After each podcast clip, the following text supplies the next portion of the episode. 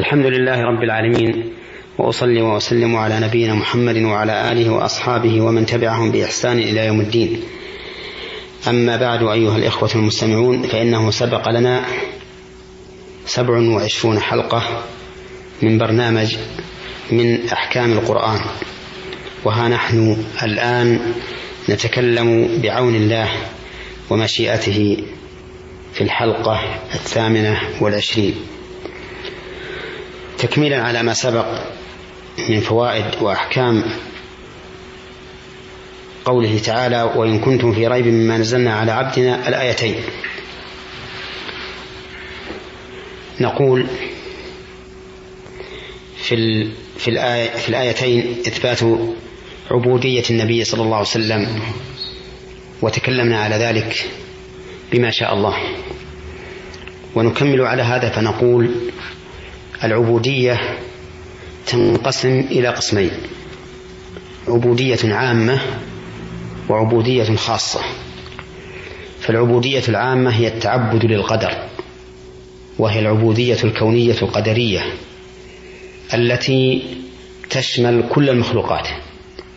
فما من مخلوق إلا وهو عابد ذليل لقضاء الله وقدره حتى أكفر خلق كما قال الله تعالى إن كل من في السماوات والأرض إلا آتي الرحمن عبدا. فكل الناس عبيد لله بالعبودية الكونية القدرية. وهذه لا يمدح الإنسان عليها. لأنها تكون قهرا عليه وبغير اختيار منه. أما القسم الثاني فهي العبودية الخاصة وهي التعبد لله تعالى بشرعه. وهذه لا تكون إلا من المؤمنين.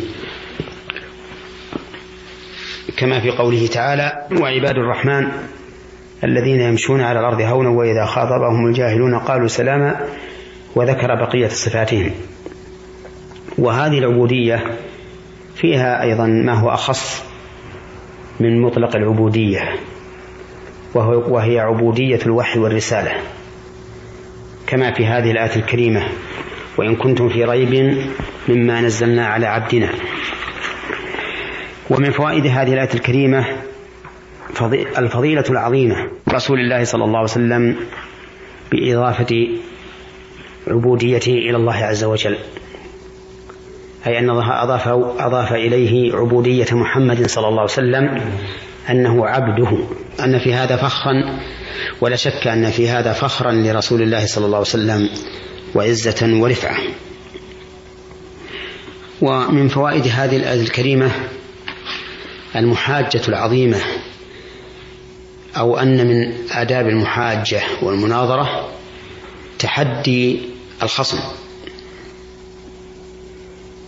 فإن الله تعالى يقول هنا فأتوا بسورة مثله. ولا شك أن تحدي الخصم إظهار لضعفه. ولا شك أن في تحدي الخصم إظهارا لضعفه وأنه لا يستطيع المقابلة وهو أي التحدي طرق من طرق المناظرة المفيدة.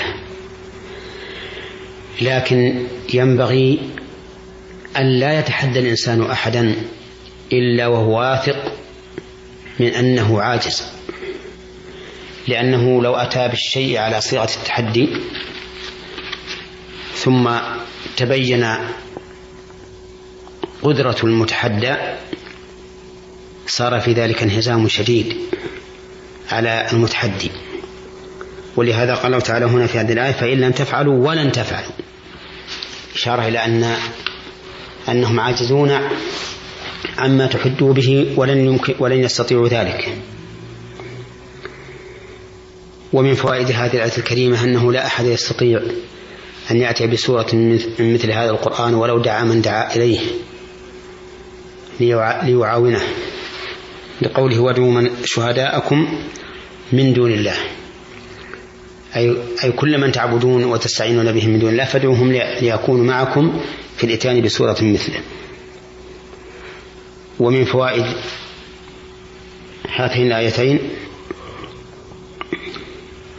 أنه لن يستطيع أحد من هؤلاء المعارضين لرسول الله صلى الله عليه وسلم أن يأتوا أو أن يأتي بصورة من مثل ما جاء به الرسول عليه الصلاة والسلام لقوله فإن لم تفعلوا ولن تفعلوا ومن فوائدها أي ومن فوائدهما أن من كابر وأصر على عناده وكذب الرسول صلى الله عليه وسلم فإن النار مثواه. لقوله فاتقوا النار التي وقودها الناس والحجارة. ومن فوائدهما أن أن يأتي المتكلم بما يقتضي التهديد لقولها التي وقودها الناس. فإنه إذا قيل إن النار وقودها الناس لا بد أن يحذر الإنسان منها ويخشى أن يكون من جملة الوقود ومن فوائد الآيتين أن الجنة موجودة أن النار موجودة الآن. لقوله أعدت للكافرين. فإن الإعداد بمعنى التهيئة ولا شك أن الجنة والنار موجودتان الآن كما دل على ذلك القرآن والسنة. فقال الله تعالى في الجنة أعدت للمتقين وقال في النار أعدت للكافرين. وعرضت الجنة والنار على النبي صلى الله عليه وسلم وهو يصلي في الناس صلاة صلاة الكسوف. ورأى في النار من يعذب. وكما أن النار والجنة والنار موجودتان الآن فهما باقيتان أبد الآبدين. لا تفنيان لأن الله تعالى ذكر التأبيد في عدة آيات. فأما التأبيد في الجنة فالآيات في هذا كثيرة. وأما التأبيد في النار ففي ثلاث آيات من القرآن في سورة النساء في قوله تعالى إن الذين كفروا وظلموا لم يكن الله ليغفر لهم ولا ليهديهم طريقا إلا طريق جهنم خالدين فيها أبدا. وفي سورة الأحزاب في قوله تعالى إن الله لعن الكافرين وأعد لهم سعيرا خالدين فيها أبدا. وفي سورة الجن في قوله تعالى ومن يعص الله ورسوله فإن له نار جهنم خالدين فيها أبدا. ولهذا كان من عقيدة أهل السنة والجماعة اعتقاد اعتقاد أن النار أن الجنة والنار موجودتان الآن وأنهما لا تفنيان أبد الآبدين. وإن كان قد ذكر خلاف في أبدية النار فإنه خلاف مرجوح. فالراجح بل المتعين القول بأن النار لا تفنى كما أن الجنة لا تفنى. ومن فوائد هاتين الآيتين أن القرآن الكريم سيبقى آية الأبد لرسول الله صلى الله عليه وسلم.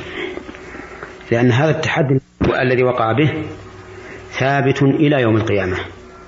فلن يستطيع أحد أن يأتي بمثل هذا القرآن إلى إلى يوم القيامة.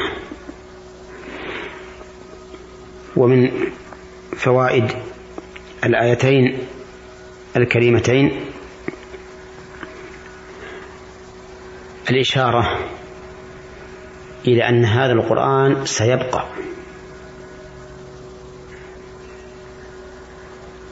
وذلك أنه قال فإن لم تفعلوا ولن تفعلوا فاتقوا النار التي وقودها الناس والحجارة. وإذا كان وقودها الناس وهو يشمل الناس إلى يوم القيامة في المخالفين لهذا القرآن دل على هذا على أن القرآن سيبقى متحديا لجميع الناس إلى يوم القيامة وأن من خالفه فسيكون وقود النار. ومن فوائد الآيتين إثبات الجزاء. فيدل على إثبات اليوم الآخر وهو أحد أركان الإيمان الستة التي هي الإيمان بالله وملائكته وكتبه ورسله واليوم الآخر والقدر خيره وشره. نسأل الله تعالى أن يثبتنا جميعا على الإيمان والتوحيد وأن يلهمنا رشد أنفسنا إنه جواد كريم. والحمد لله رب العالمين وأصلي وأسلم على نبينا محمد وعلى آله وصحبه أجمعين.